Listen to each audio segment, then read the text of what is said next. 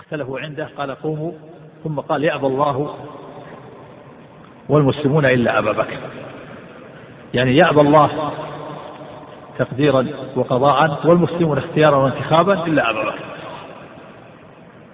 فالصواب أنها ثبتت الخلافة لأبي بكر بالاختيار والانتخاب من هذا الحل والعقد واستدلوا بإرشاد النبي صلى الله عليه وسلم إلى اختيار يعني اختاروه استدلوا بإرشاد النبي صلى الله عليه وسلم إلى اختياره وانتخابه كتقديمه في الصلاة يصلي بالناس.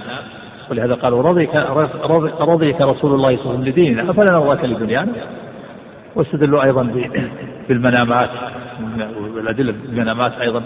وكذلك نقول يأبى الله المسلمون الا ابا بكر إلى غير ذلك من الأدلة التي ترشد ترشد إلى اختياره وانتخابه. وبعض أهل العلم قال إن هذه الأدلة نص في خلافه والصواب انها أنه ثبت الاختيار والانتخاب. ولهذا قال المؤلف رحمه الله يثبت أصحاب الحديث خلافة أبي بكر بعد وفاة رسول الله صلى الله عليه وسلم باختيار الصحابة واتفاقهم عليه. وقولهم قاطبة رضيه رسول الله صلى الله عليه وسلم ديننا فرضي له لدنيانا. يعني أنه استخلف في إقامة الصلوات المفروضات بالناس أيام مرضه وهي الدين. في ديننا إلى الصلوات. فرضيناه خليفة للرسول صلى الله عليه وسلم علينا في أمور ديننا. وقول قدمت رسول الله فمن ذا الذي يؤخره وأرادوا أنه قدمه في الصلاة بأي في الصلاة بنا أيام مرضه فصلينا وراءه بأمرك فمن ذا الذي يؤخرك بعد تقديمه إياك؟ وكان رسول الله صلى الله عليه وسلم يتكلم في شأنه في شأن أبي في حال حياته ما يبين للصحابة أنه حق الناس في الخلافة. كما سبق. بعد فلذلك اتفقوا عليه واجتمعوا فانتفعوا بمكانه والله وارتفعوا به وارتقوا وعزوا وعلوا بسببه. حتى قال أبو هريرة رضي الله عنه والله الذي لا إله إلا هو لولا أن أبا بكر استخلف لما عبد الله. ولما قيل له مه يا أبا هريرة ما تقول؟ قام بحجة صحة قوله قال فصدقوه فيه وأقروا به. وذلك أن أن النبي صلى الله عليه وسلم لما توفي ارتدت العرب. منهم من عبد الأوثان ومنهم من أنكر نبوة النبي صلى الله عليه وسلم ومنهم من منع الزكاة. فأبو بكر رضي الله عنه قاتلهم وأشكل هذا على بعض الصحابة لما أراد قتاله حتى أشكل على عمر. كيف تقاتل؟ من قال لا إله إلا الله. فقال أبو بكر رضي الله عنه والله لا أقاتلن من فرق بين الصلاة والزكاة والله لو منعوني عقالا في رواية عناقة كانوا يؤدونه إلى النبي صلى الله عليه وسلم لقاتلتهم عليه. بس تمسك السيف بيدي. أجمع وعزم على قتالهم حتى شرح الله صدر عمر وصدر من كان عنده إشكال فأجمعوا على قتالهم. فكان في قتالهم خيرا عظيما فرجع الناس إلى دين الله بعد أن خرجوا منه. فلهذا قال أبو هريرة رضي الله عنه لولا أن أبو استخلف لما عبد الله لأن العرب ارتدوا أكثر العرب ارتدوا. فقاتلهم النبي الصديق والصحابة حتى دخلوا في الإسلام. نعم. ثم خلافة عمر بن الخطاب رضي الله عنه وأرضاه باستخلاف أبي بكر رضي الله عنه إياه واتفاق الصحابة عليه بعده وإنجاز الله سبحانه بمكانه في إعلاء الإسلام وإعظام شأنه وعده. نعم. ثم ثم يثبت أهل السنة والجماعة ويعتقدون أن الخليفة بعد أبي بكر عمر رضي الله عنه. ثبت له خلافة بالعهد من أبي بكر رضي الله عنه إليه واتفاق الصحابة بعده عليه. ولهذا أنجز الله له سبحانه بإلاء شأنه وإعظام شأنه. فالخليفة الثاني هو عمر خلافا للرافضة الذين يقولون أبا بكر مغتصب بالخلافة وعمر مغتصب وأنهم كفروا وأنهم ارتدوا بعد وفاة النبي صلى الله عليه وسلم وأخفوا النصوص التي فيها أن الخليفة بعده علي. ينكرون خلافة أبي بكر وعمر وعثمان ويقولون ظلمة وفسقة وكفرة أنكروا النصوص وارتدوا بعد وفاة الرسول صلى الله عليه وسلم وولوا هؤلاء الثلاثة زورا وبهتانا وظلما. وإلا فالخليفة الأول هو علي منصوص عليه هكذا يقول الرافضة وهذا من أبطل الباطل. نعم. ثم خلافة عثمان رضي الله عنه بإجماع أهل الشورى وإجماع الأصحاب كافة. ورضاهم به حتى جعل الأمر إليه. نعم الخليفة الثالثة وعثمان ثبت له خلافة باختيار المهاجرين والأنصار جميعا. أجمعوا عليه إجماعا. أجمع عليه الصحابة قاطبة كافة. نعم.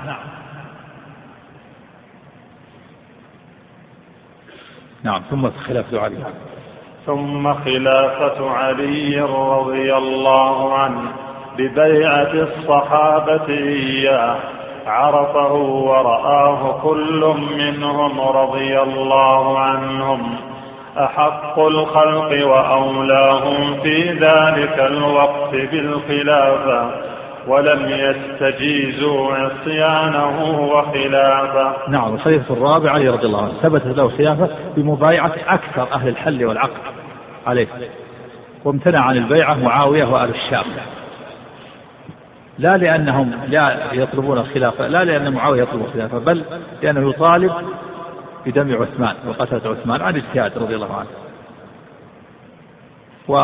وثبتت الخلافة لأبي بكر بإجماع الصحابة وثبتت الخلافة لعمر ب بولاية العهد من أبي بكر واتفاق الصحابة عليه وثبتت الخلافة لعثمان بإجماع المهاجرين والأنصار وثبتت له الخلافة لعلي بمبايعة أكثر أهل الحل والعقد دون معاوية وأهل الشام فإنهم امتنعوا يطالبون بدم عثمان. نعم. فكان هؤلاء الأربعة الخلفاء الراشدين رضي الله عنهم الذين نصر الله بهم الدين وقهر وقصر بمكانهم الملحدين وقوى بمكانهم الإسلام. ورفع في أيامهم للحق الأعلام ونور بضيائهم ونورهم وبهاء وبهاءهم الظلام. وحقق بخلافتهم وعده السابق في قوله عز وجل وعد الله الذين آمنوا منكم وعملوا الصالحات ليستخلفنهم في الأرض ليستخلفنهم في الأرض كما استخلف الذين من قبلهم وليمكنن لهم دينه دينهم الذي ارتضى لهم وليبدلنهم من بعد خوفهم الآية وفي قوله أشداء على الكفار فمن أحبهم. نعم.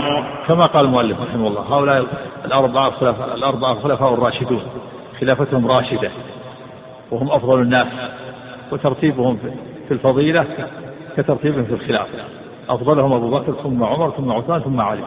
وخلافتهم خلافة نبوة. وقد نصر الله بهم الدين وقهر وقصر بمكانهم الملحدين وقوى بمكانهم الإسلام. ورفع في أيامه الحق الأعلام ونور الله بضيائهم ونورهم وبهائهم الظلام وتحقق في خلافتهم وعد الله السابق في قوله عز وجل وعد الله الذين آمنوا منكم وعملوا الصالحات ليستخلفنهم في الأرض ولا يمكنن لهم دينهم الذي ارتضى لهم ولا يبدلنهم من بعد خوفهم أمنا يعبدون لا يشركون بشيء.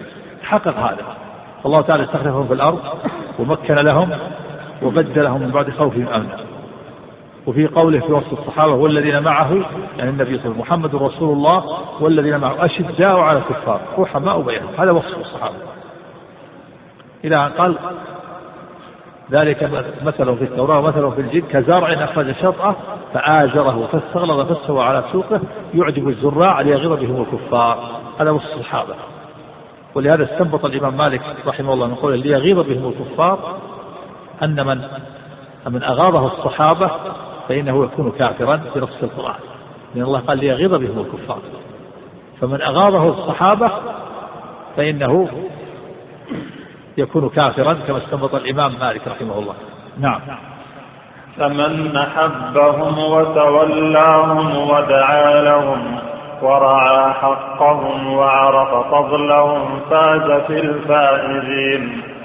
ومن أبغضهم وسبهم ونسبهم إلى ما تنسجهم الروافض الروافض والخوارج لعنهم الله.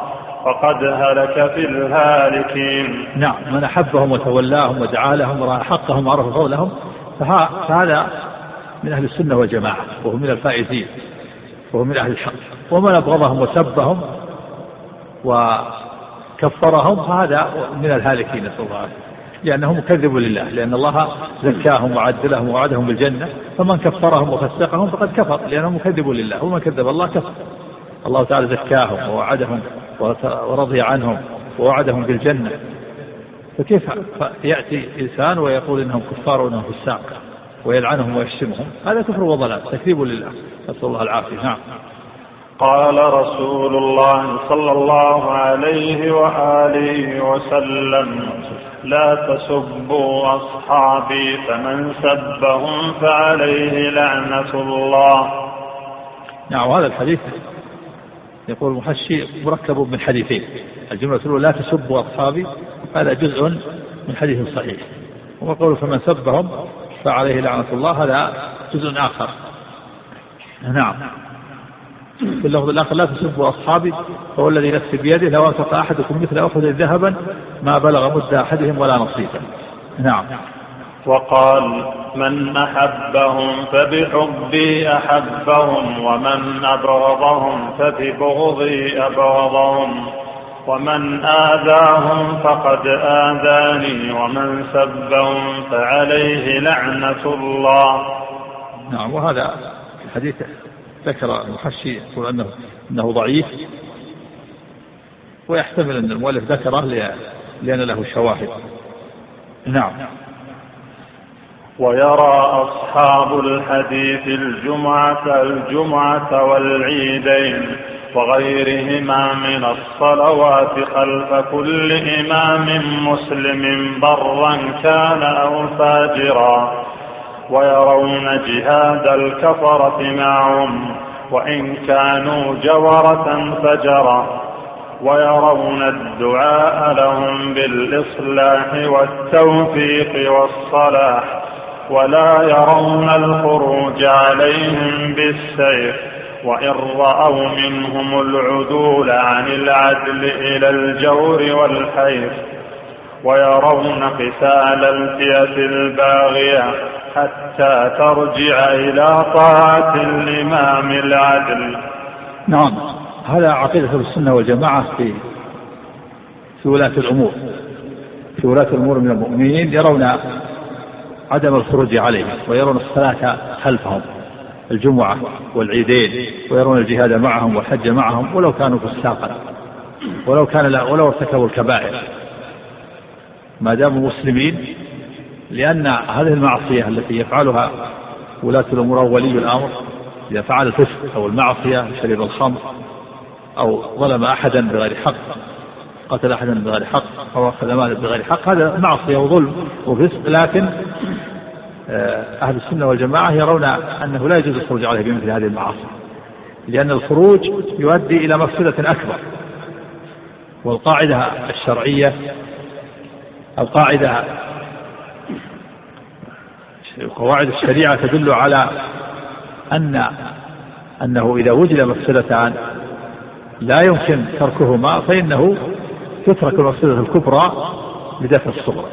وإذا وجد مصلحتان كبرى وصغرى ولا يمكن فعلهما نفعل الصغرى وينفع الكبرى وينفتح الصغرى. فهذه المسألة وهي يعني تتمشى مع قواعد الشرع في هذا وذلك أن ولي الأمر إذا فسق أو عصى هذه مع مفسدة كبرى لكن الخروج عليه يؤدي إلى مفسدة كبرى وهي إراقة الدماء وانقسام الناس إلى إلى فريقين واختلال الأمن واختلال المعيشة الاقتصاد والزراعة والتجارة والتعليم وتربص الأعداء بهم الدوائر وتأتي فتن لا أول له ولا آخر تقضي على الأخضر واليابس فهذه مفاسد عظيمة فلا فلا نرتكبها بل يصبر بل على الرعية يصبرون على جور الولاة. ولو كانوا ولو حصل منهم بعض الجور لأن هذا فيه مصلحة. والنصيحة مبذولة من قبل العلماء ومن وأهل الحل والعقل ومن يستطيع فإن قبل فالحمد لله وإن لم يقبل فقد أدوا ما عليهم ولا يجوز الخروج. على ولاة الأمور بهذا. ثم أيضا ولاة الأمور إنما سلطوا على الناس بسبب ذنوبهم ومعاصيهم فعليهم أن يتوبوا إلى الله. فيكون قد يكون جور الولاة تأديب للفسقة وامتحان وابتلاء للصالحين ورفع درجات لهم مثل المصائب مثل المرض ومثل الأمراض والأسقام يكفر الله به. فكذلك يبتلى الناس بولاة أمور جورة بسبب ظلمهم ومعاصيهم. فإذا أرادوا أن يصلح الله لهم ولاة أمورهم فليصلحوا أحوالهم وليتوبوا إلى ربهم. ولهذا قال المؤلف رحمه الله ويرى أصحاب الحديث والسنة الجمعة والعيدين وغيرهما من الصلاة خلف كل إمام برا كان أو فاجرا الإمام المراد بالإمام ولي الأمر إمام المسلمين رئيس الدولة رئيس الجمهورية مثلا. هذا يرون الصلاة خلفه إذا كان مسلم ولو كان فاسق. يصلى الجمعة خلفه وصلى العيد إذا كان يصلي بالناس يؤم الناس. يصلون خلف الجمعة والعيدين خلف كل إمام يعني ولي الأمر برا كان فاجرا يعني تقيا أو أو عاصيا الفاجر هو العاصي ويرون جهاد الكفرة معه معهم وإن كانوا جورة فجرة يعني إذا إذا أراد ولي الأمر أن يقاتل الكفار وعقد راية يقاتل الناس معه ولو كان ولي الأمر فاجر ولو كان جائر ظالم فعقيدة السنة والجماعة يرون جهاد الكفرة مع مع ولاة الأمور وإن كانوا جورة فجرة. جورة يعني جائرين ظالمين. فجرة عاصين وذلك لأن الحج والجهاد فرضان يتعلقان بالسفر. ولا بد من سائس يسوس فيهما ويقاتل العدو. وهذا يحصل بالإمام الفاجر كما يحصل بالإمام البر. يحصل بالإمام البر والفاجر. ولهذا عقيدة المسلمين والجماعة يجاهدون يصلون خلف الإمام ولو كان جائرا ظالما ما دام أنه لم يرتكب الكفر. يصلون خلف الجمعة والعيدين ويجاهدون معه ويحجون معه. ولهذا قال ويرون جهاد الكفرة معهم وإن كانوا جورة فجرة ويرون الدعاء لهم بالصلاح والتوفيق والصلاح. وبسط العدل في الرعية. هكذا يدعون لهم. ولهذا جاء عن الفضيل بن عياض أنه قال لو علمتم دعوة صالحة لصرفوا للسلطان. لأن بالصلاح تصلح الرعية. هذه مروا على الفضيل بن عياض. مرنا هذا في في الإبانة في البطة فيرون الدعاء لهم بالإصلاح. لأنه إذا صلحوا صلحت الرعية. تدعو لهم بالإصلاح والتوفيق والصلاح وبسط العدل في الرعية. ولا يرون الخروج عليهم بالسيف. يعني لا يجوز الخروج عليهم بالسيف. الذي يخرج عليهم بالسيف هم أهل البدع. يخرج على الأمور بالسيف هم أهل البدع. وإن رأوا منهم العدول عن العدل إلى الجور والحي يعني أهل السنة والجماعة لا يخرجون على ولي الأمر بالسيف ولو كانوا يرون أنهم عدلوا عن الحق ومالوا وجاروا حصل منهم الجور والحيف يصبرون عليه لما سبق لأن الذي يرى الخروج على ولاة الأمور هم أهل البدع خوارج خوارج يخرجوا على ولاة الأمور بالمعاصي لأنهم يرون أن أن الإنسان إذا فعل المعصية الكبيرة كفر وحل دمه وماله وهو مخلد في النار وكذلك المعتزلة يرون الخروج على ولي الأمر بالمعاصي. بالمعصية وهذا أصل من أصولهم. وهو الأمر بالمعروف والنهي عن المنكر. ستروا تحته الأمر بالمعروف إلزام الناس باجتهاداتهم. والنهي عن المنكر ستروا تحته الخروج على ولاة الأمور بالمعاصي. وكذلك الرافضة. يرون الخروج على ولي الأمر لأنه لا لا لا تصح الإمامة إلا الإمام المعصوم والمعصوم أحد هم الأئمة الاثني عشرين. فإذا الخروج على ولاة الأمور بالمعاصي هذا مذهب أهل البدع. الخوارج والمعتزلة والروافض. أما أهل السنة فلا يخرجون على ولي الأمر ولو عصى ولو شرب الخمر ولو قتل أحدا بغير ظلم بغير حق. ولو أخذ مال أحد بغير حق ولو لم يوزع المال توزيعا عادلا. ما ما يجوز الخروج عليه. اصبر على يصبر الواجب الصبر. والنصيحة مبذولة. يقول المؤلف ويرون قتال الفئة الباغية حتى ترجع إلى طاعة الإمام العدل. هذا الباغية هم البغاة. إذا خرج على ولي الأمر بغاة لا يخرج على ولي الأمر أكثر. قد يكون خوارج. إذا كانوا كفر ولي الأمر هم خوارج. وهناك طائفة يسمون البغاة. وهم جماعة يخرجون على ولي الأمر ويكون إذا كان لهم شوكة. فهؤلاء إذا خرجوا آه، ولي الأمر يرسل لهم من يناقشهم ويسائلهم ويبحث معهم لماذا خرجوا.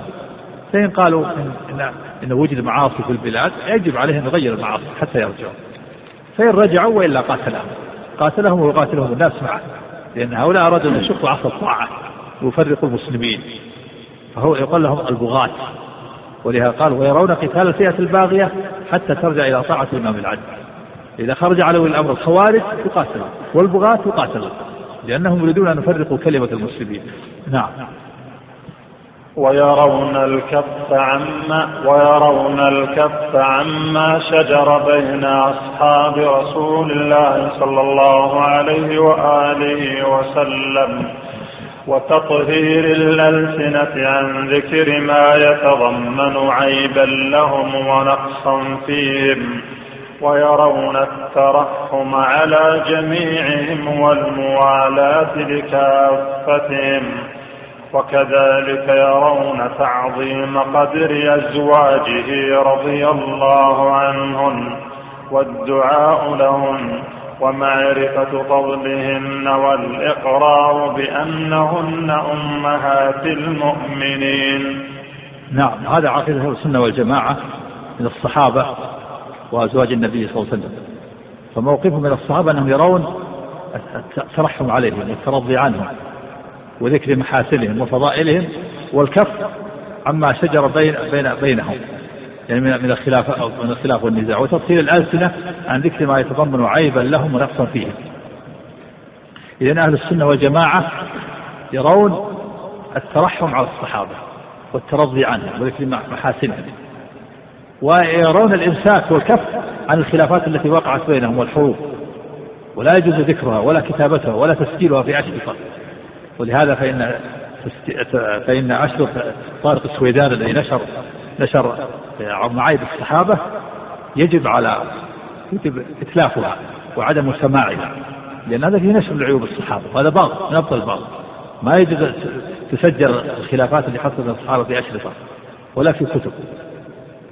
لأن بل يجب الكف عما شجر بين الصحابة واعتقاد أن الصحابة خير الناس وأفضل الناس لا كان ولا يكون مثلهم. هو أفضل الناس بعد الأنبياء.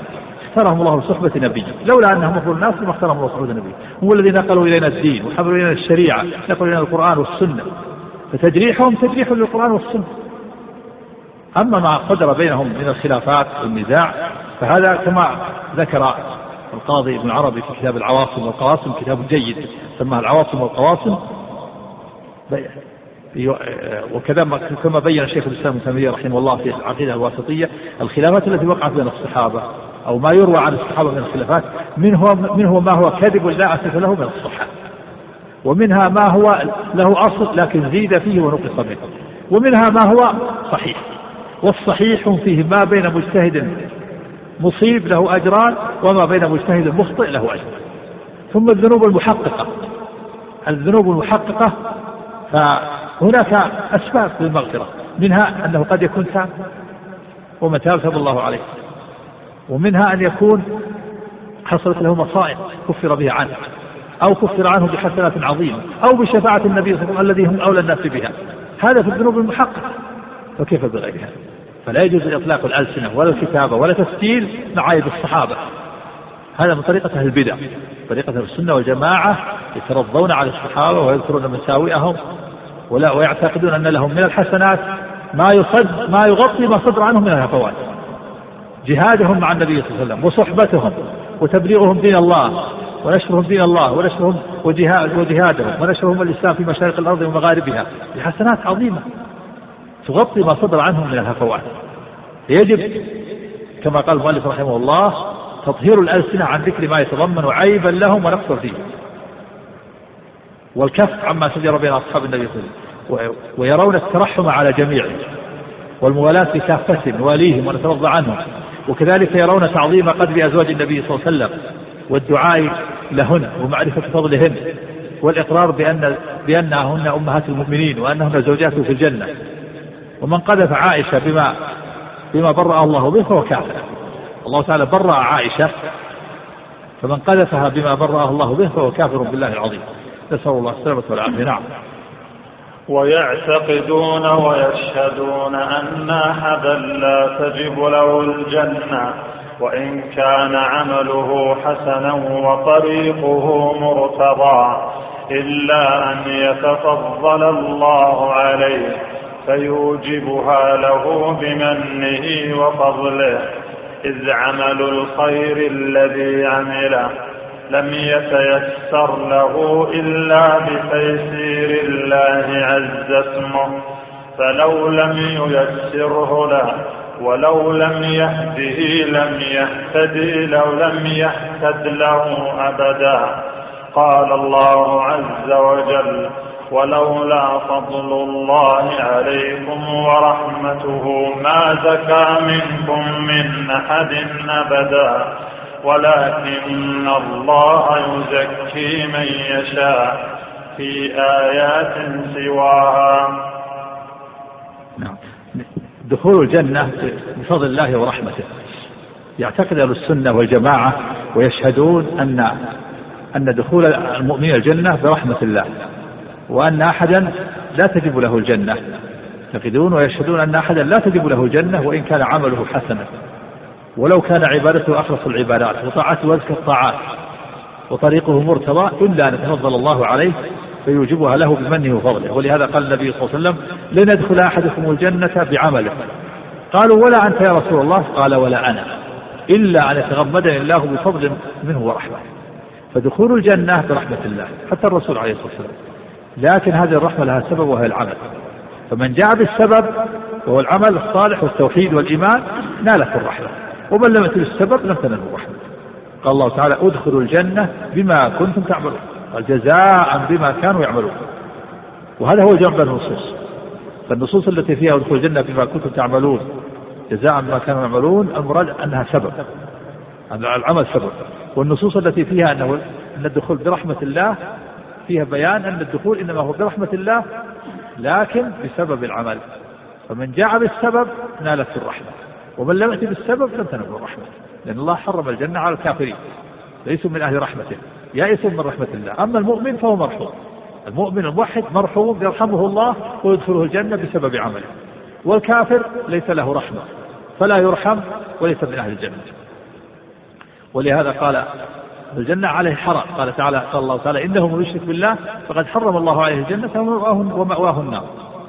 ولهذا قال المصنف رحمه الله ويعتقدون يعني أهل السنة وأهل الحديث ويشهدون أن أحدا لا تجب له الجنة وإن كان عمله حسنا. وعبادته أخلص العبادات وطاعته وزن الطاعات وطريقه مرتضى إلا أن يتفضل الله عليه فيوجب فيوجبها له بمنه وفضله. إذ عمل الخير الذي عمله لم يتسر له إلا بتيسير الله عز وجل. فلو لم ييسره الله له لم يتسر ولو لم يهده الله لفعله لم يهد له أبدا بجهده وجده. يعني الله تعالى هو الذي من على الإنسان بالعمل. لولا أن الله وفقه للعمل لما لما عمل. فالله تعالى هو الذي خلق الإنسان. وهو الذي رباه بنعمه. وأعطاه السمع والبصر والفؤاد. وهو الذي من عليه بالإسلام. وهو الذي هداه. فالفضل من الله. كله من الله وإليه. سبحانه وتعالى. ولهذا قال الله عز وجل ولولا فضل الله عليكم ورحمته ما زكى منكم من أحد من أحد أبدا ولكن الله يزكي من يشاء.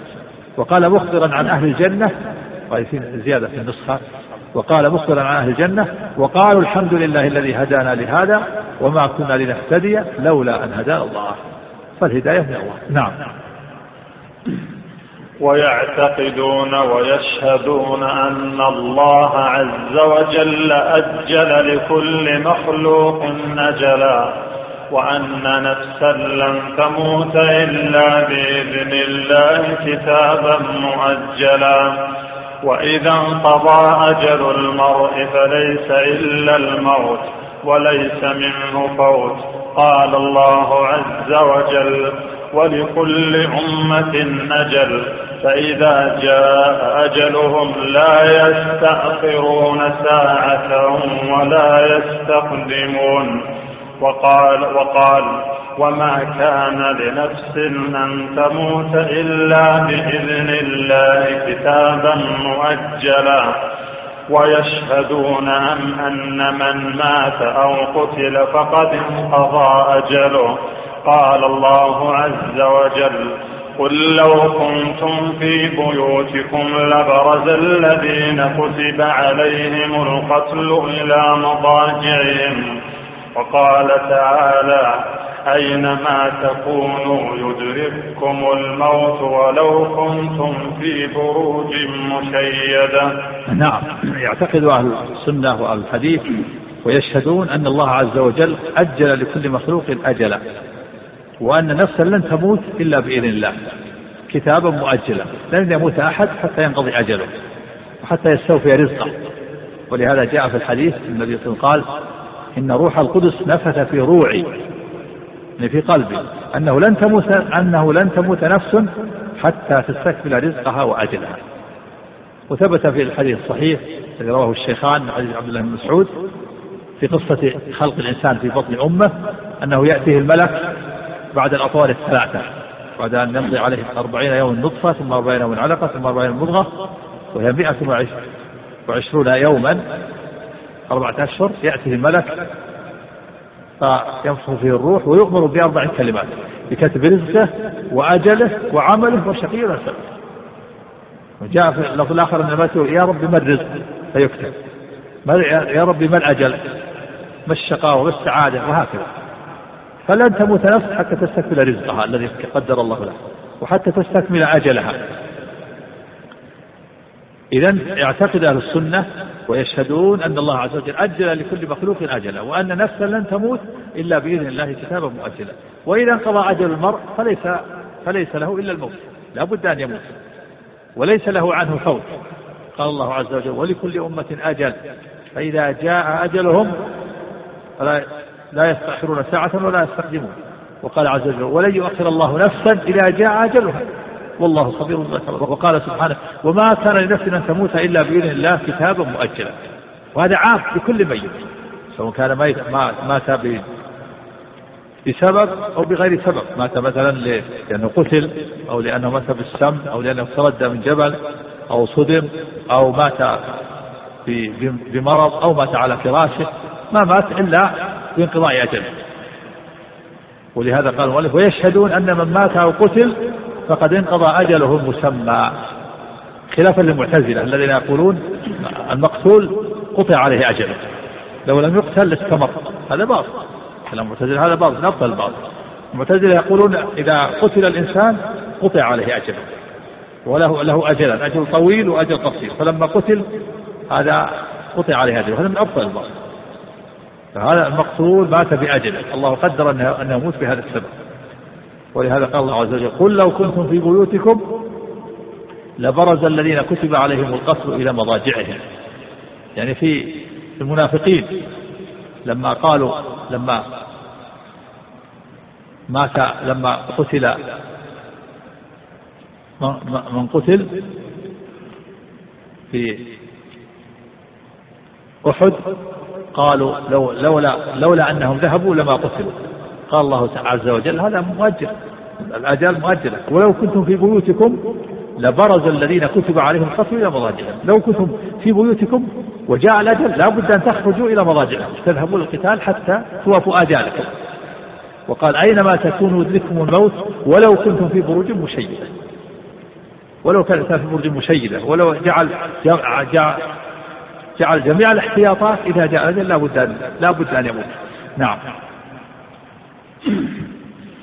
ويعتقدون أن الله سبحانه خلق الشياطين يوسوسون للآدميين يوسوسون للآدميين ويقصدون استنزالهم ويترصدون لهم. قال الله عز وجل وإن الشياطين ليوحون إلى أوليائهم ليجادلوكم. وإن أطعتموهم إنكم لمشركون وأن الله تعالى يسلطهم على من يشاء ويعصم من كيدهم ومكرهم من يشاء. قال الله عز وجل واستفزز من استطعت منهم بصوتك وأجلب عليهم بخيلك ورجلك وشاركهم في الأموال والأولاد وعدهم وما يعدهم الشيطان إلا غرورا. إن عبادي ليس لك عليهم سلطان وكفى بربك وكيلا. وقال تعالى إنه ليس له سلطان على الذين آمنوا وعلى ربهم يتوكلون. إنما سلطانه على الذين يتولونه. نعم.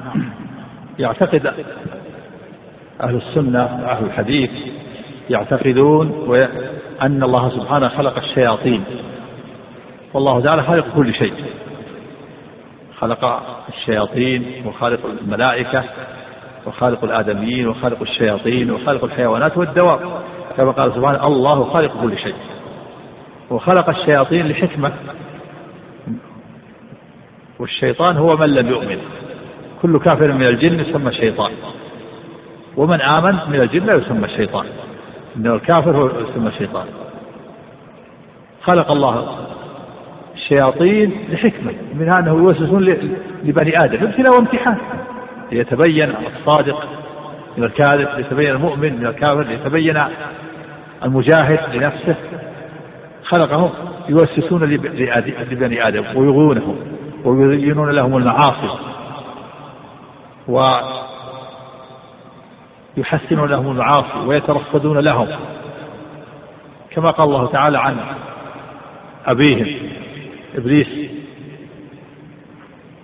قال قال فبعزتك لأغوينهم أجمعين. قال في آية الأعراف ثم لآتينهم من بين أيديهم ومن خلفهم وعن أيمانهم وعن شمائلهم ولا تجد أكثرهم شاكرين. قال في قال ربي بما أغويتني لأزين لهم في الأرض. قال فبما أغويتني لأزين لهم في الأرض ولأغوينهم أجمعين. فقال الله عز وجل إن عبادي ليس لك عليهم سلطان. ويؤمنون بأن بأن فأهل السنة والجماعة يؤمنون بأن الشياطين خلقهم الله يوسوسون الآدميين وسلطهم لحكمة حكمة بالغة ليتبين الصادق من الكاذب ولينقسم الناس إلى مؤمن وكافر. ولله حكمة بالغة. قال الله عز وجل وإن الشياطين ليوحون إلى أوليائهم ليجادلوهم وإن أطعتموهم إنكم لمشركون. وإن الله وأن الله يسلطهم على من يشاء ويعصم من كيدهم ومكرهم من يشاء وله الحكمة البالغة قال الله عز وجل خطابا لإبليس واستفزز من استطعت منهم بصوتك وأجلب عليهم بخيلك ورجلك وشاركهم في الأموال والأولاد وعدهم وما يعدهم الشيطان إلا غرورا. إن عبادي ليس لك عليهم سلطان. وكفى بربك وكيلا. وقال في الآية الأخرى إنه ليس له يعني الشيطان إنه, إنه ليس له سلطان على الذين آمنوا وعلى ربهم يتوكلون. إنما سلطانه إنما سلطانه على الذين يتولونه والذين هم به مشركون. هذا ابتلاء وامتحان من الله عز وجل عباده الله تعالى اختبر عباده في هذه الحياة. الذي خلق الموت والحياة ليبلوكم أيكم أحسن عملا. ليتبين الصادق من الكاذب والمؤمن من الكافر ممن يجاهد نفسه وشيطانه وهواه ممن يستقيم على طاعة الله ممن يجترح المعاصي ويتبع هواه وشيطانه. له الحكمة البالغة سبحانه وتعالى. نعم. ويشهدون أن في الدنيا سحرا وسحرة إلا أنهم لا يضرون أحدا إلا بإذن الله عز وجل. قال تعالى وما هم بضارين به من أحد إلا بإذن الله. ومن سحر منهم واستعمل السحر واعتقد أنه يضر أو ينفع بغير إذن الله تعالى فقد كفر. وإذا وصف ما ما يكفر به استتيب. ما يكفر به. ما يكفر. نعم. وإذا, وإذا وصف ما يكفر به استتيب فإن تاب وإلا ضربت عنقه وإذا وصف ما ليس بكفر أو تكلم بما لا يفهم نهي عنه فإن عاد فإن عاد عزر. وإن قال وإن قال السحر ليس بحرام وأنا أعتقد إباحته وجب قتله لأنه استباح ما أجمع المسلمون على تحريمه. نعم يشهد أهل السنة وأهل الحديث يعتقدون أن في الدنيا سحرا وسحرة إلا أنهم لا يضرون أحدا إلا بإذن الله. خلافا للمعتزلة الذين أنكروا السحر والسحرة وقالوا لو كان هناك سحرة وتجري على أيديهم الخوارق لما لالتبس بالأنبياء. فأنكروا خوارق السحرة وأنكروا كرامات الأولياء. لئلا تلتبس بمعجزات الأنبياء وهذا باطل. فالسحر والسحرة موجودون. والله تعالى أخبر في القرآن الكريم بوجودهم. قال سبحانه واتبعوا ما تتلو الشياطين على ملك سليمان وما كفر سليمان ولكن الشياطين كفروا يعلمون الناس السحر. وما هم بضارين به من أحد إلا بإذن الله. فالسحر والسحرة موجودون. ولكنهم لا يضرون أحدا إلا بإذن الله الكوني القدري. ومن تعلم السحر أو أو علمه أو فعله فقد كفر. والسحر في اللغة عبارة عما خفي ولطف سببه.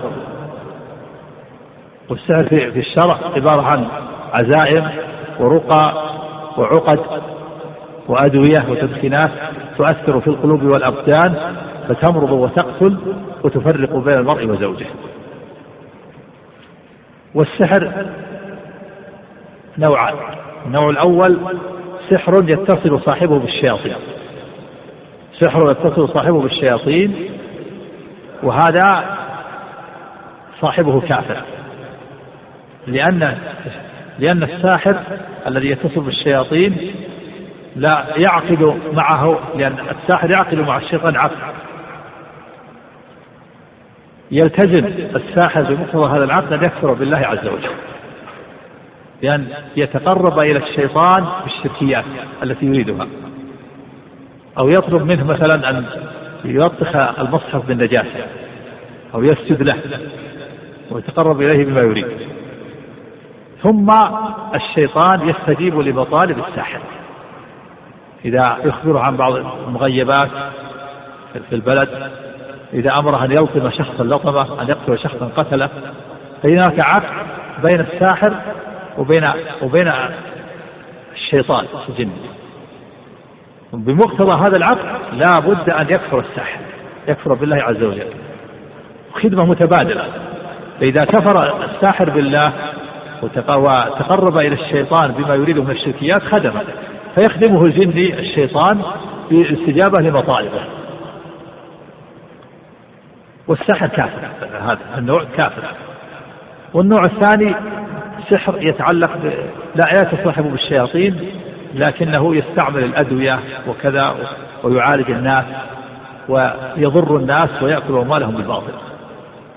فتجده يتخذ العلاج مهنة وهو ليس من أهلها.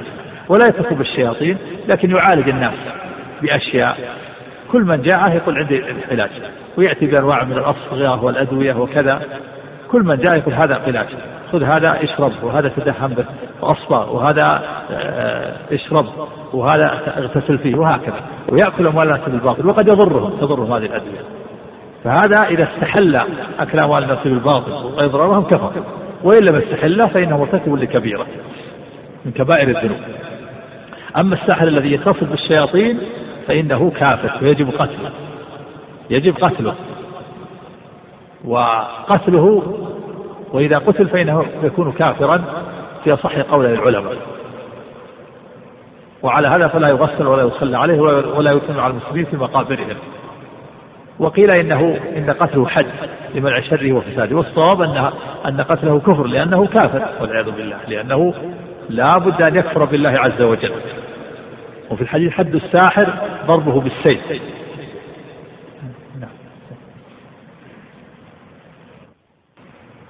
فالساحر الذي يتصل بالشيطان هذا كافر ويجب قتله. وفي الحديث حد الساحر ضربه بالسيف. ثبت أن عمر بن الخطاب رضي الله عنه كتب إلى عماله أن يقتلوا كل ساحر وساحرة.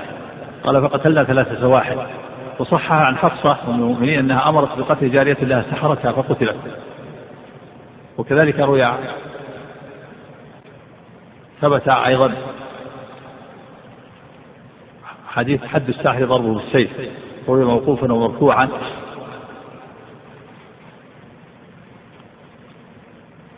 وأما الساحر الذي لا يتصل بالشياطين فهذا يستتاب فإن تاب وإلا قتل لأنه يؤذي الناس ويأكل أموالهم بالباطل ويضرهم. ولا يجوز الإتيان للسحرة ولا سؤالهم ولا العلاج عندهم لأن الإتيان إليهم رفع لمعنويته. وفي الحديث ما تعرف فسأله عن شيء لم تقبل له صلاة أربعين يوما في الحديث الآخر ما أتى كاهنا أو عرفهم فصدقه بما يقول فقد كفر بما أنزل على محمد صلى الله عليه وسلم. الحديث ليس منا من سحر أو سحر له أو تكهن أو تكهن له أو تطير أو, أو تطير أو تطير له. ومن أتى كاهنا فصدقه بما يقول فقد كفر بما أنزل على محمد صلى الله عليه وسلم. فلا يجوز لكان إلى الكفرة ولا العلاج عنده ولا سؤاله. والمريض سواء كان بالسحر أو بغيره له أن يحل السحر. يحل السحر بالطريق المشروع لا بالطريق المسدود لأن النشرة ويحل السحر عن المسحور لها حالتان. من فضلك اقلب الشريط.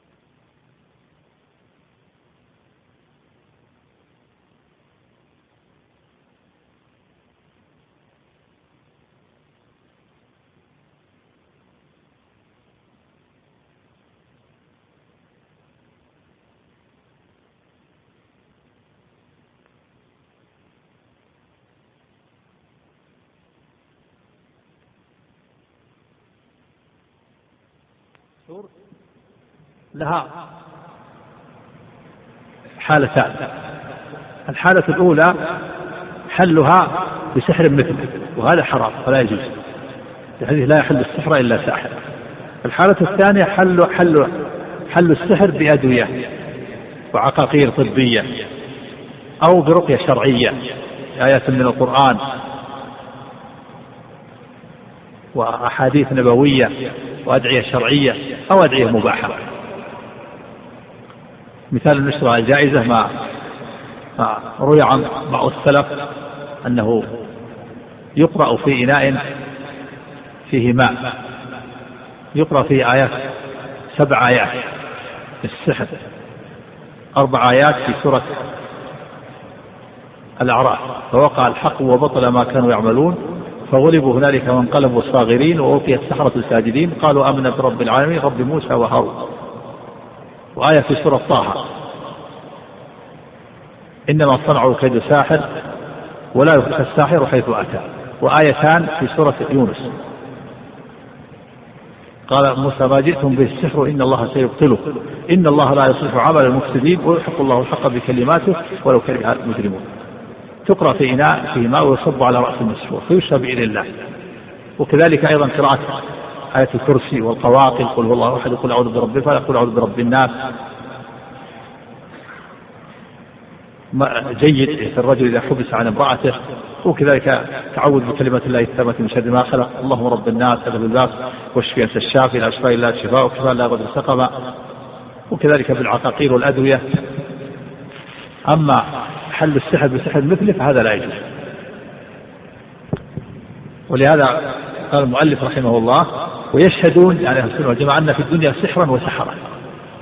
خلافا للمعتزلة الذين أنكروا السحر والسحر إلا أنهم لا يضرون أحدا إلا بإذن الله. قال الله عز وجل وما هم بضارين به من أحد إلا بإذن الله.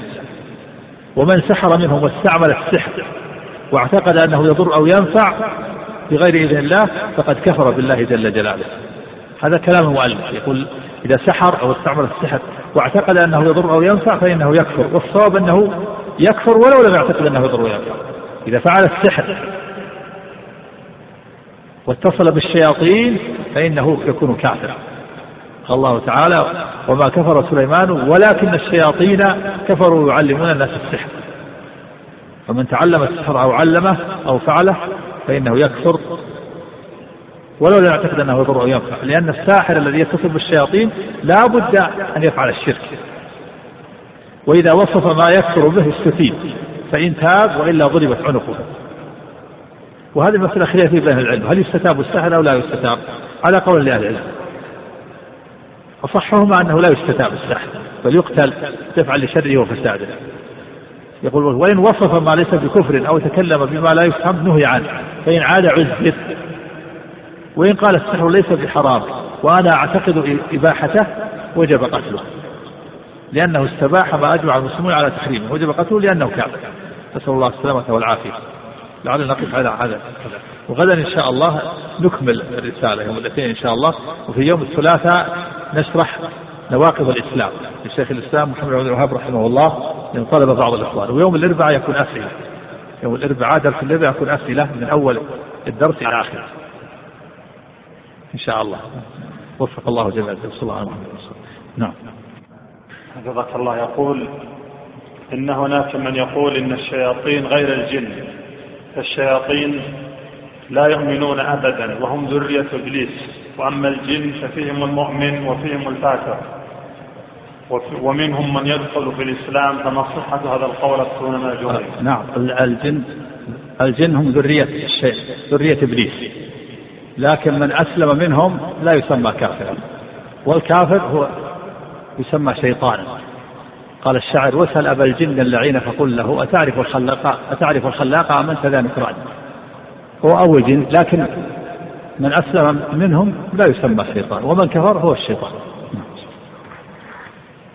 نعم. يقول كيف نجمع بالشهادة العامة بأن هذا بأن هذا الرجل من أهل الجنة مع أن الشخص لا يدخل الجنة بعمله؟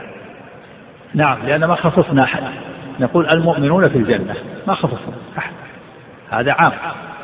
لأن الله تعالى وعد المؤمنين بالجنة. خصوصيات بها. ثبت أن النبي صلى الله عليه وسلم أمر مناديا في بعض الغزوات أنه لا يدخل الجنة إلا نفس مؤمنة.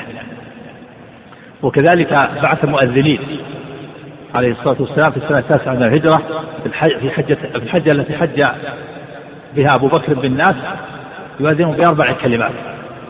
منها أنه لا يدخل الجنة إلا نفس مؤمنة. منها أن من كان له عهد فهو إلى عهده ومن لم يكن له عهد فعهده إلى أربعة أشهر ومنها لا يحج بالبيت لا يحج بعد هذا العام المشرك ولا يطوف بالبيت عريان. أربع كلمات يؤذنون بها في الناس في منى لا يدخل الجنة إلا نفس مؤمنة. لا يحج بعد العام المشرك. لا يطوف بالبيت عريان. من كان له عهد فهو إلى عهده ومن, ومن لم يكن له عهد من المشركين فهو إلى أربعة أشهر. نعم. يسأل عن عبارة قدس الله روحه. عندما يذكر أحد العلماء ما معنى ما صحة؟ قدس يعني طهر طهر الله روحه. طهرها بالمغفرة يعني دعاء له دعاء بالمغفرة. قدس طهر قد طهر الله روحه يعني بغفران ذنوبه. نعم. يسأل عن موقف المعتزلة والأشاعرة من الصحابة رضي الله عنهم ها؟ المعتزلة والأشاعرة في إيش الصحابة؟ الصحابة إيه. ما ما أعرف لهم قولا خاص في الصحابة إنما هذا معروف الخوارج لهم قول في الصحابة ينصبون العداوة لأهل البيت ضد الروافض الروافض آه، يغلون في أهل البيت ويعبدونهم من دون الله ويكفرون الصحابة. والنواصب بالعكس هم الخوارج هم الخوارج ينصبون العداوة لأهل البيت. هذا مذهب. ويكفرون من خالفهم في الرأي من الصحابة. نعم ولذا كفروا عليا وعثمان. نعم. هذا يسأل عن عبارة إن أمر الله وقضائه بين الكاف والنون. هذه العبارة ليست بصحيحة. العبارة الصحيحة كما قال الله إنما أمره إذا أراد شيئا أن يقول له كن فيكون. الله تعالى يخلق بالكلام. إذا أراد شيئا يعني أن يخلق قال له كن فيكون. يخلق بكلمة كن. لا وليس بين الكاف والنون. نعم. يقال يقول هل يقال إن الحسن بن علي رضي الله عنه هو خامس الخلفاء الراشدين؟ لا الحسن بن علي رضي الله عنه بويع بالخلافة ستة أشهر وتنازل فيها لمعاوية بن أبي سفيان رضي الله عنه اشترط عليه حقن دماء المسلمين وصدق فيه قول النبي صلى الله عليه وسلم إن ابني هذا سيد وسيصلح الله به بين فئتين عظيمتين من المسلمين. فكانت آه، ولايته ستة أشهر مكملة لخلافة الخلفاء الراشدين وهي ثلاثون سنة. نعم. يسأل عن حكم سب الله أو سب الرسول عليه الصلاة والسلام أو سب الصحابة.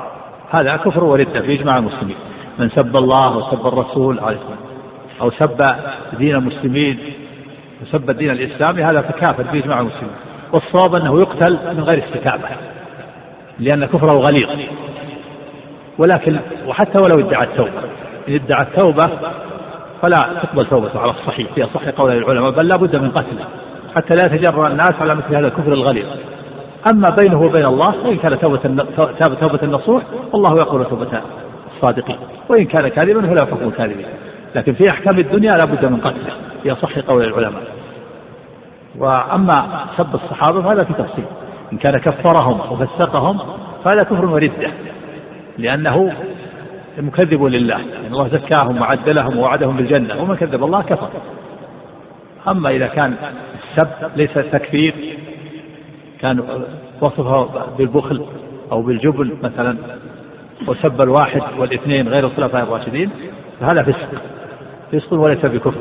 نعم. يسأل عن عبارة أنا داخل على الله ثم عليك. ما قال لهذا الأصل. معناها كأنه استجارة هذا. كأنه يستجير. داخل الله معناها يعني استجير بالله ثم بك. هذا كان يستجير في شيء يقدر عليه فهذا من الأسباب من الأسباب مثل تقول الشخص أعذني أعذني من شر أولادك من شر زوجتك فالاستعاذة بالحي الحاضر فيما يقدر عليه لا بأس به. كذلك الاستجارة بالحي الحاضر فيما يقدر عليه.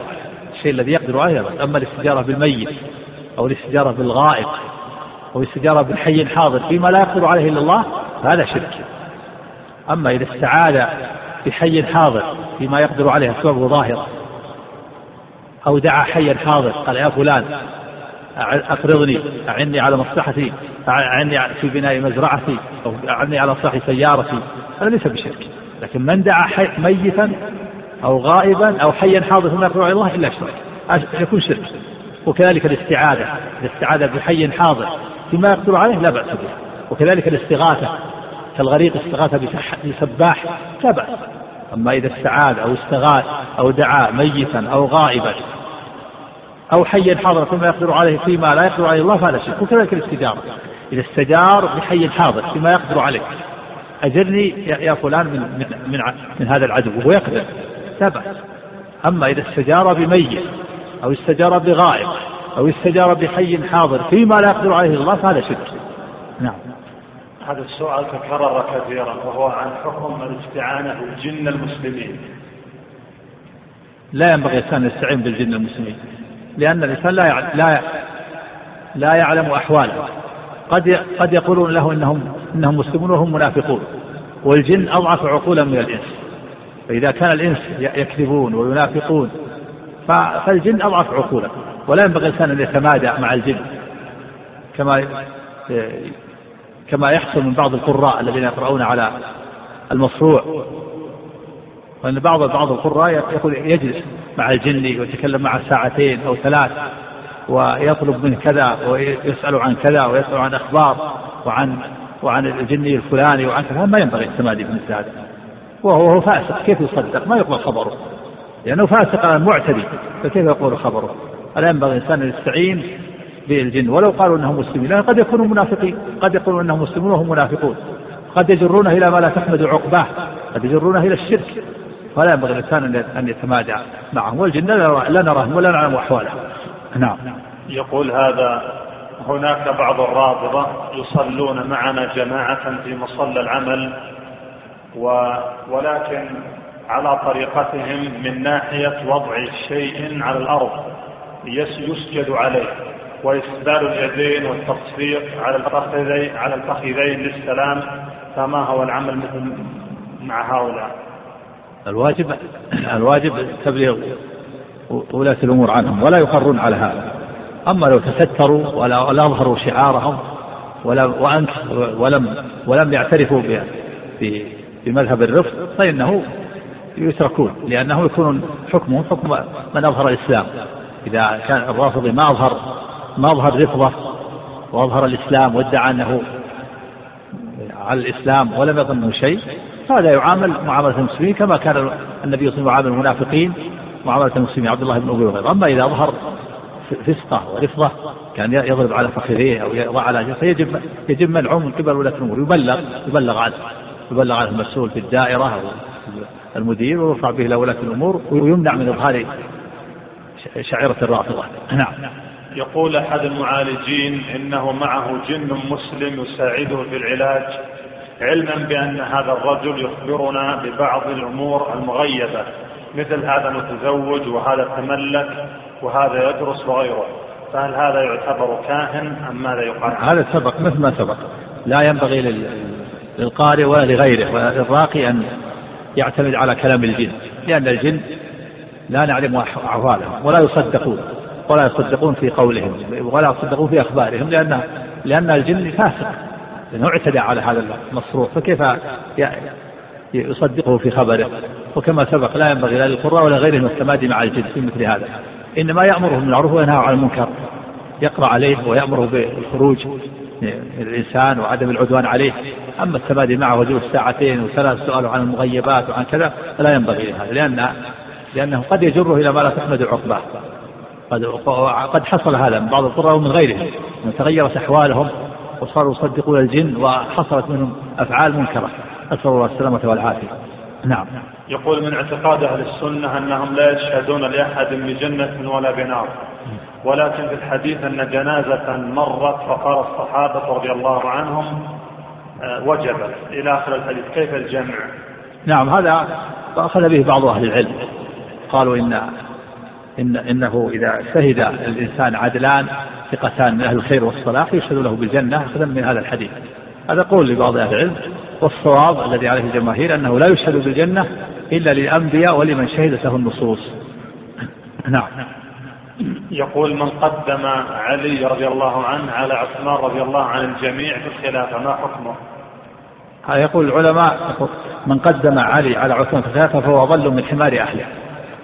هذا وقد احتقر المهاجرين والأنصار لأن المهاجرين والأنصار أجمعوا على تولية عثمان رضي الله عنه على بيعته بالخلافة فمن قدم علي عثمان عليا على عثمان في الخلافة فهذا أضل من حمار أهله.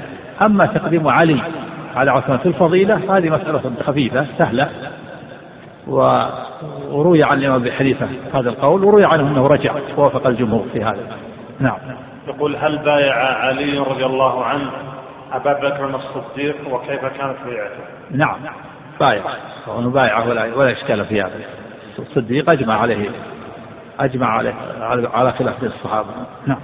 يسأل عن موقف أهل السنة والجماعة من الصحابي الجليل وحشي بن حرب قاتل حمزة بن عبد المطلب رضي الله عن الجميع. إيش يسأل؟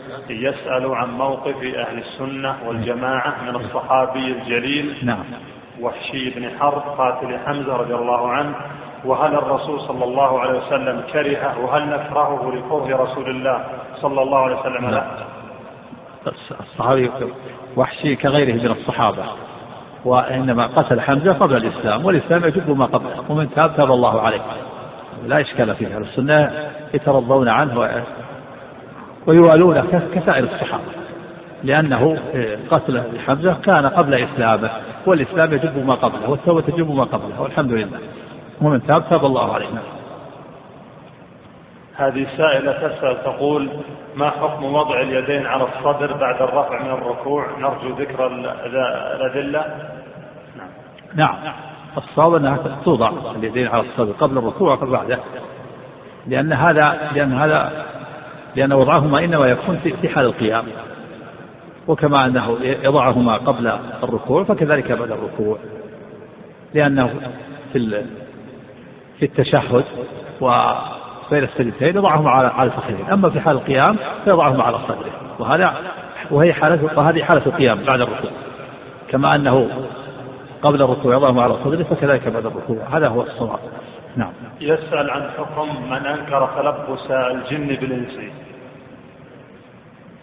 هذا مخالف للنصوص ومخالف للواقع وللحس. الله تعالى قال الذين يأكلون الربا لا يقومون إلا كما يقوم الذي يتخبطه الشيطان من المس. ذلك بأنهم قالوا إنما البيع مثل الربا. وكذلك أيضا آه، في الحديث إن الشيطان يجري من آدم مجرى الدم. هذا مذهب المعتزلة وأهل البدع. ينكرون تلبس الجن بالإنس وهذا باطل. يخالف الواقع والحس ويخالف النصوص. الذي الذين يأكلون الربا لا يقومون إلا كما يقوم الذي يتخبطه الشيطان من المس.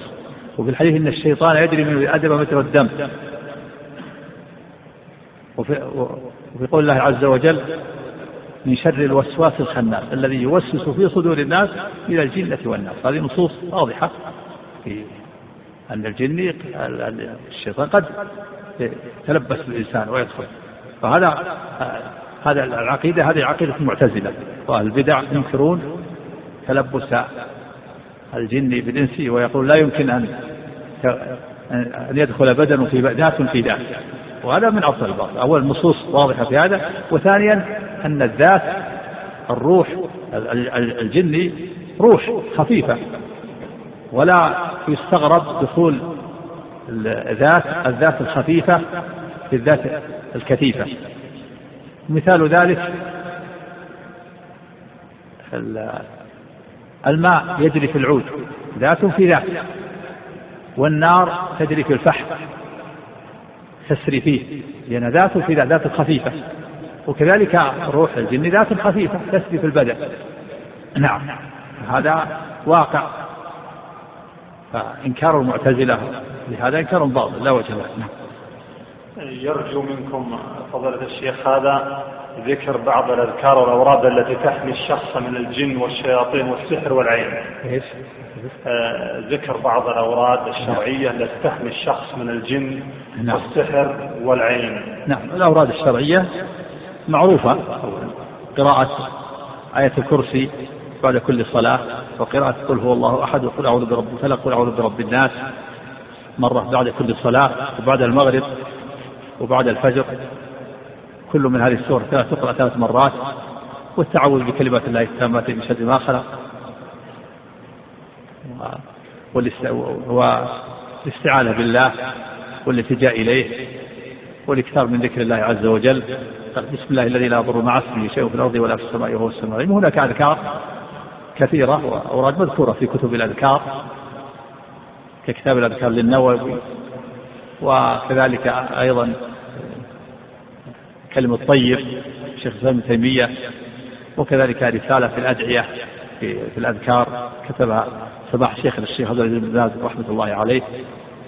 وهناك مؤلفات في هذا في الأذكار يمكن السائل أن يراجعها نعم. هذا يقول هذه أسئلة وردت عبر شبكة المعلومات. أسئلة وردت عبر شبكة المعلومات. نعم. يقول السائل في حفظك الله هل اختلف أهل السنة والجماعة في خلافة الخلفاء الثلاثة الباقين؟ هل هي بالنص بالاجتهاد؟ كما اختلفوا في كيفية ثبوت خلافة أبي بكر الصديق.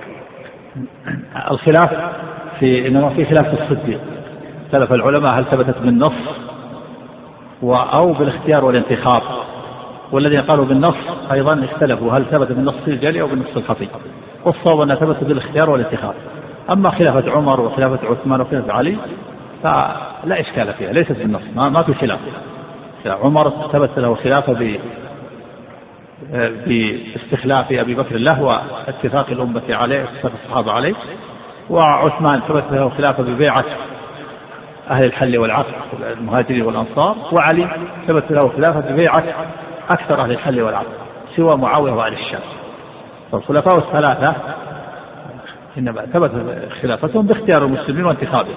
إنما الخلاف في في خلافة الصديق هذا ثبت بالنص أو باختيار المسلمين وانتخابهم. نعم.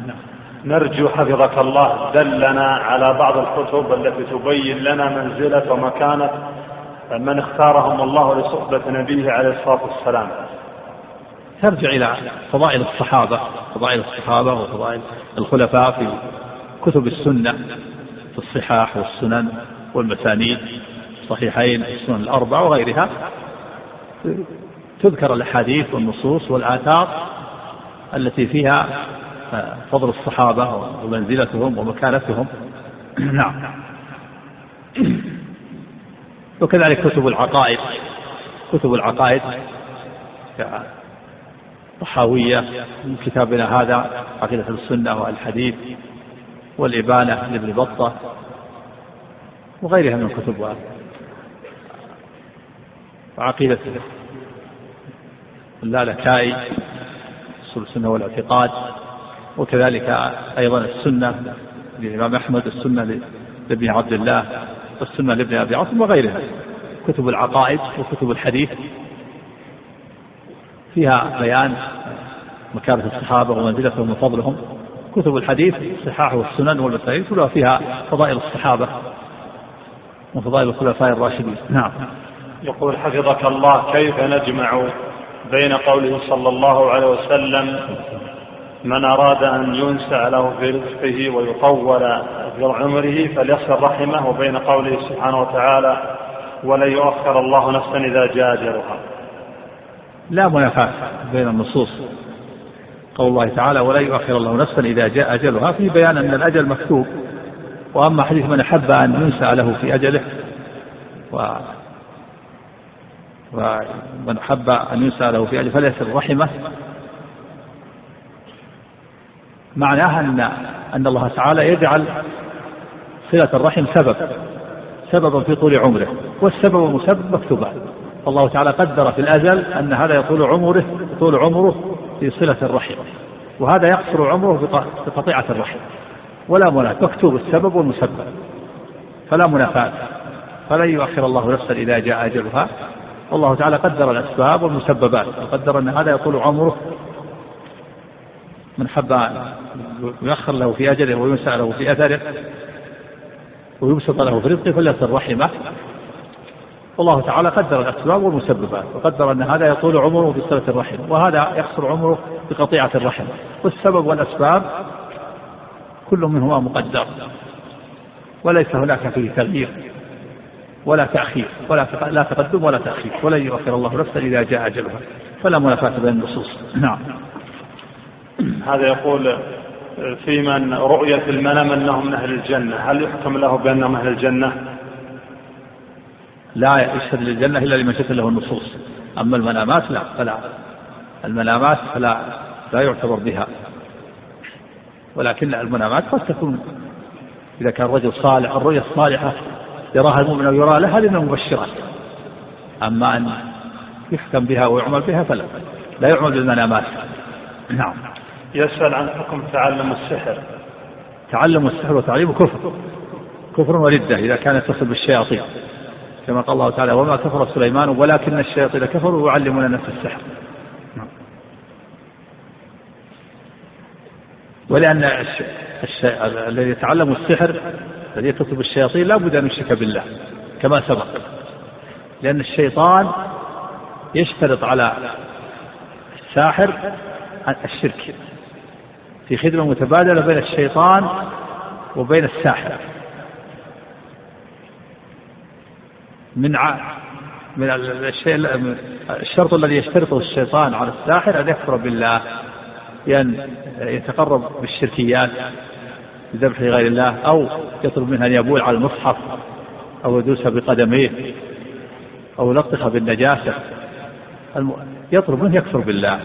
ففي الساحر لابد أن لا الساحر مشرك ومن سحر فقد أشرك. لا بد أن يفعل الشرك إذا كان يتصل بالشياطين. ولهذا فإن تعلم السحر وتعليمه شرك كفر وردة نعوذ بالله. نعم. السؤال قبل الأخير يقول نرجو توجيه نصيحة للنساء اللواتي لا يرتدين قفازا ولا جوربا وكذلك نصيحة لأزواجهم الذين يسمحون لهن بالخروج غير اللازم.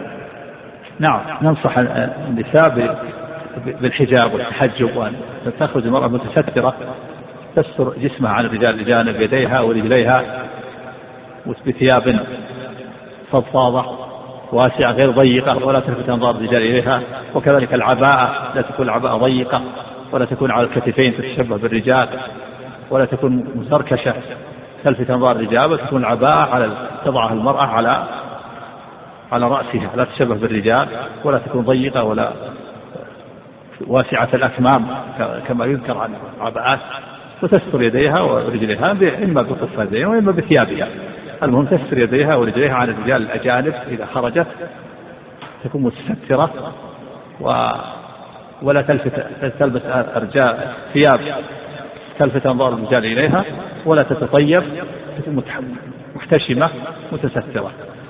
هذا هو الواجب على المرأة وعلى أولياء أمورهم. نسأل الله الجميع السداد نعم.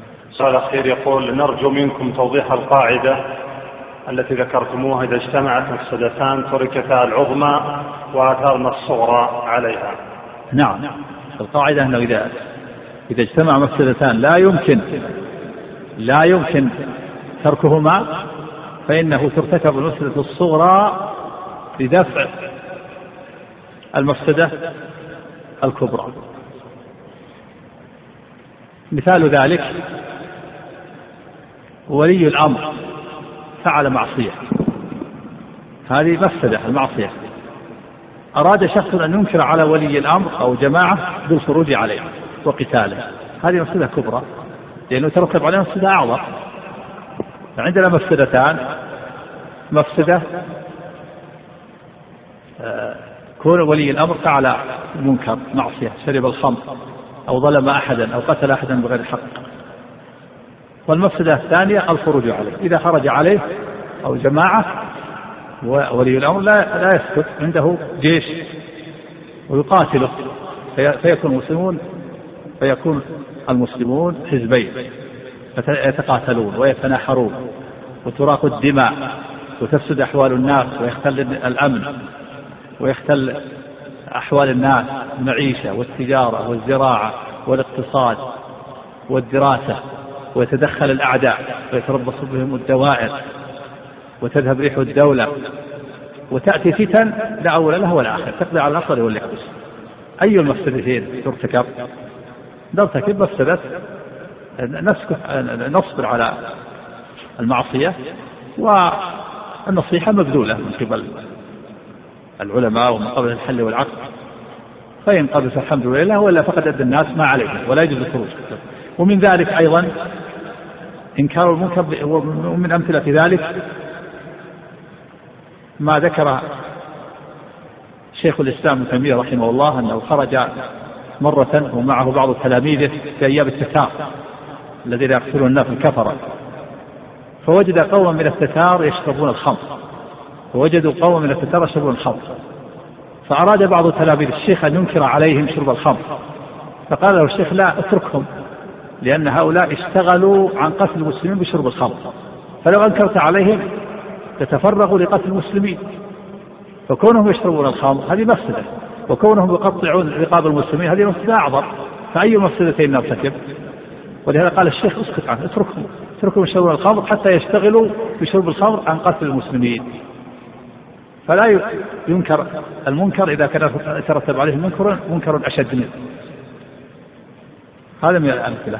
وفق الله جميع الرسل ورزق الله جميع من صلى الله عليه وسلم بسم الله الرحمن الرحيم. الحمد لله رب العالمين وصلى الله وسلم على نبينا محمد وعلى آله وصحبه أجمعين. أما بعد فقال الإمام شيخ الإسلام أبو عثمان الصابوني قدس الله روحه ونور ضريحه.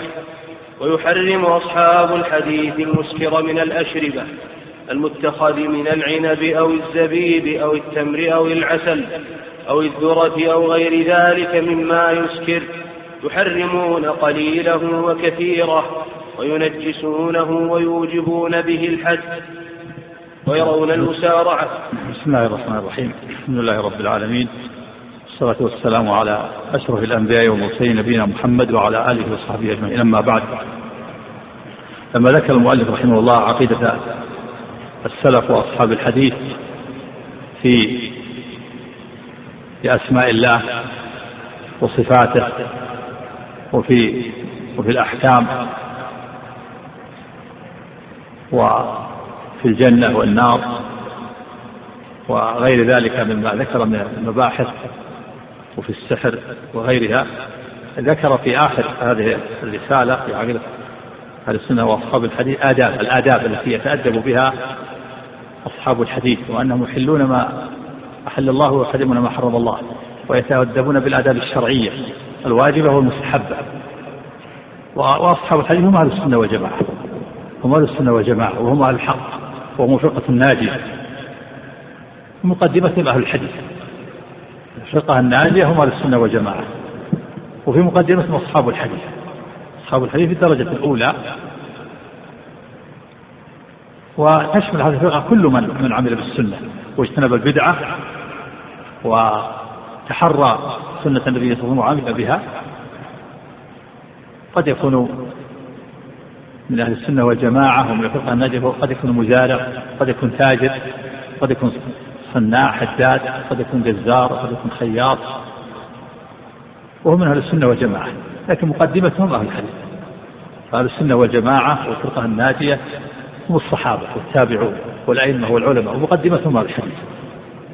يقول المؤلف رحمه الله ويحرم أصحاب الحديث وهم أهل السنة والجماعة وهم الفرقة الناجية وهم أهل الحق. مقدمة الصحابة والتابعون. ويحرم أصحاب الحديث المسكر من الأشربة. المتخذة من العنب أو الزبيب أو التمر أو العسل أو الذرة أو غير ذلك مما يسكر يحرمون قليله وكثيره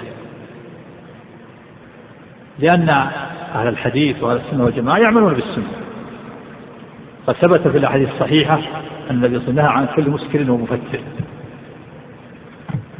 وقال عليه الصلاة والسلام كل مسكر خمر وكل مسكر حرام.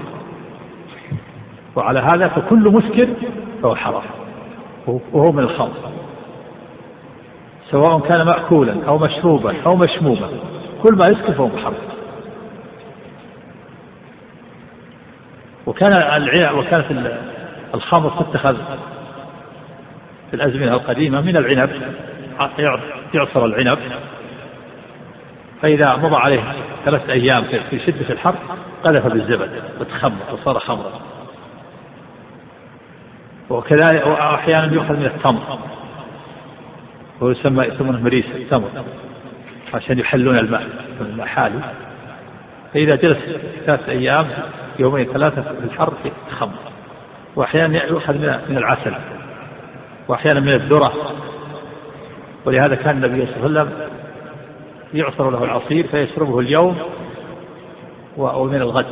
فإذا كان في اليوم الثالث صبة أو أهراقه أو أو سقاه الخادم. خشية أن يتخمر. يعني معلوم أن الخادم يتأمل وينظر. هذا في شدة الحر لكن الآن العصير إذا جعل في الثلاجة ما يتخمر. لكن في شدة الحر في شدة الحر إذا ترك في شدة الحر يتخمر. الآن وجد خمور الآن من غير هذا الأنواع الخمر تتخذ من كل شيء من العنب. من الزبيب من التمر من العسل من الذرة ومن غيرها. جاء الآن أنواع جديدة. جاء فيها أيضا مأكول مشروب قد تكون أقراص. تسكر تسكر. قد تكون مشموم شم يسكر. قد يكون يؤكل. فهو, حرام. كل ما يسكر فهو حرام. كل مسكن خمر هذا من جواب على الكلمة الذي أوتيه النبي صلى الله عليه وسلم. كل من عمر صيغ من صيغ العموم. كل مسكر خمر وكل خمر حرام. والجمهور على أن جمهور العلماء على أن على أن الخمر كل ما من كل شراب وذهب الإمام أبو حنيفة رحمه الله إلى أن الخمر لا تكون إلا من عصير العنب. والصواب أنها عامة من عصير العنب ومن غيره. يقول المؤلف رحمه الله إن أهل الحديث يحرمون المسكر عملا بالأحاديث وللخمر أسماء كثيرة. كما ذكر العلماء سمى السكر وسمى البتع وسمى الجعة وسمى البدر والبزر والسكركة والفضيخ وسمى الطلاء والبادق كل هذه من أسمائها يعني. وفي الحديث يقول لك لا يشربون الناس من أمة الخمر يسمونها بغير اسمها وفي الحديث رواه البخاري معلقا لا يكون من أمتي أقوام يستحلون الشرع والخمر والحرير والمعازف الحراء الفرج من الزنا.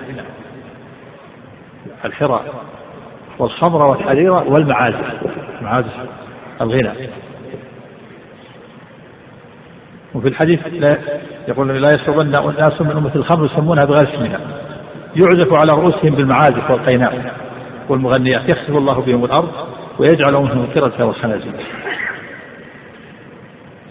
هذا رواه ابن ماجه. ولا بأس بسنده. قوله وينجسونه هذا في النسخة وفي النسخة الأخرى يعني ويجتنبونه. يحرمون قليلا وكثيرا ويجتنبونه يعني يبتعدون عنه. أو ينجسونه يعني يرونه نجس. وهذه مسألة خلافية بين العلم. هل الخمر نجس أو ليس بنجس؟ الجمهور على أنه نجس. إنما قال, قال الله تعالى يا أيها الذين آمنوا إنما الخمر والميسر والأنصاب والأزلام رجس من عمل الشيطان فاجتنبوه.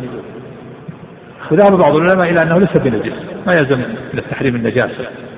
استدلوا بأن النبي صلى الله عليه وسلم أمر بإراقتها لما أن لما حرمت أريقت صارت تجري في سكك المدينة والناس يمشون حافين فيذهبون إلى المسجد ويطعونها ولم يأمرهم بغسل أرجلهم فدل على أنها ليست نجسة. وعلى كل حال هي محرمة. سواء نجسة أو ليست نجسة نعم. ويوجبون به الحد الحد يعني من شرب الخمر وثبت عليه الخمر فإنه يجب عليه الحد أربعين جلدة أو ثمانين جلدة. جلد شارب الخمر على عهد النبي أربعين. وجلد على في عهد أبي بكر أربعين. وصدرا من خلافة عمر. ثم لما تتبع الناس جلد عمر ثمانين. نعم. ويرون المسارعة إلى أداء الصلوات وإقامتها في أوائل الأوقات أفضل من تأخيرها إلى أوقات إلى أواخر الأوقات. نعم, نعم. هكذا أهل السنة والجماعة وأهل الحديث يرون المسارعة إلى أداء الصلوات. عملا بقول الله تعالى حافظوا على الصلوات والصلاة الوسطى وقوموا لله قانتين. قول سبحانه إن الذين آمنوا وعملوا الصالحات وأقاموا الصلاة وآتوا الزكاة لهم أجرهم عند ربهم ولا خوف عليهم ولا هم يحزنون. أهل السنة وأهل الحق وأهل الحديث. والفرقة الناجية يرون المسارعة إلى أداء الصلوات جماعة في المساجد وإقامتها في أوائل الأوقات. إقامتها في أوائل الأوقات أفضل من تأخيرها إلى آخر الأوقات. لما جاء في الحديث الصحيحة الحث على المسارعة إلى أداء الواجب. من ذلك يقول الله تعالى عن موسى وعجلت إليك ربي لترضى التعجيل والمبادرة في أداء الواجب أفضل. وفي الحديث أن النبي صلى الله عليه وسلم إلى أي الأعمال أفضل؟ قال الصلاة على وقتها والصلاة في أول وقتها. نعم. ويوجبون قراءة فاتحة الكتاب خلف الإمام. نعم هذه المسألة كتاب قراءة الفاتحة خلف الإمام. قراءة الفاتحة الفاتحة ركن في حق الإمام والمنفرد. بالاتفاق. الإمام والمنفرد لا تصح صلاة أحدهما إلا بقراءة الفاتحة في كل ركعة. الإمام لو ترك الإمام الفاتحة في ركعة من الركعات ما صح الركعة يأتي بركعة. وكذلك المنفرد. أما المأموم ففيه خلاف بين أهل العلم. فمن العلماء من قال بوجوبها مطلقا في السرية والجهرية. ومنهم من قال بأنها لا تجب لا في السرية ولا في الجهرية. وهو مذهب الإمام أبي حنيفة. استدلوا بحديث من كان له إمام فقراءته له قراءة لكن هذا حديث ضعيف عند أهل العلم. ومن العلماء أيضا من قال إنها تجب على المأموم إلا إذا أدرك الإمام راكعا فإنها تسقط عنه. في حديث أبي بكر أنه جاء والنبي صلى الله عليه وسلم راكع فركع دون الصف ثم دب دبيبا حتى وقف في الصف. فلما قضى النبي صلى الله عليه وسلم قال زادك الله خلقا ولا تعد. ولم يأمره بإعادة الركعة. بقضاء الركعة فدل على أنه يدركها. وذهب آخر من العلم إلى أنه إذا أدرك الإمام راكعا فإن تفوته الركعة لأنه ما قرأ الفاتحة. لا بد من قراءة الفاتحة. هو اختيار الإمام البخاري رحمه الله. وألف في هذا جزء قراءة. فتكون قراءة الفاتحة في حق المأموم فيها أربعة أقوال. القول الأول أنها لا تجب لا في السرية ولا في الجهرية. وهذا أضعف أضعفها القول الثاني أنها تجب في السرية والجهرية إلا إذا ترك الإمام راكعا. فإنها تسقط عنه. القول الثالث أنها تجب في السرية في السرية دون الجهرية. أو القول الرابع أنها تجب في السرية والجهرية وإذا أدرك الإمام راكعا فإنها فإنه لا يدرك الركعة. أربعة أقوال والأرجح أنها تجب في السرية والجهرية. إلا إذا أدرك الإمام راكعا فإنها تسقط عنه. وهي في حق المأموم واجب مخفف بحيث إذا نسيها سقطت عنه. أو أدرك الإمام راكعا أو أدرك في آخر ركعة تسقط عنه. أو قلت من يقول أنها ليست واجبة. والدليل على هذا هذا قول النبي صلى الله عليه وسلم في الحديث الذي لا بأس بسنده لعلكم تقرؤون خلف إمامكم قالوا نعم يا رسول الله. قال فلا تفعلوا لا تفعلوا إلا بأم القرآن فإنه لا صلاة لمن لم يقرأ بها. ويكون مخصص لعموم قول الله تعالى وإذا قرئ القرآن فاستمعوا له وأنصتوا. يعني إلا الفاتحة مستثنى. وإذا قرأوا حديث وإذا قرأوا فأنصتوا إلا الفاتحة.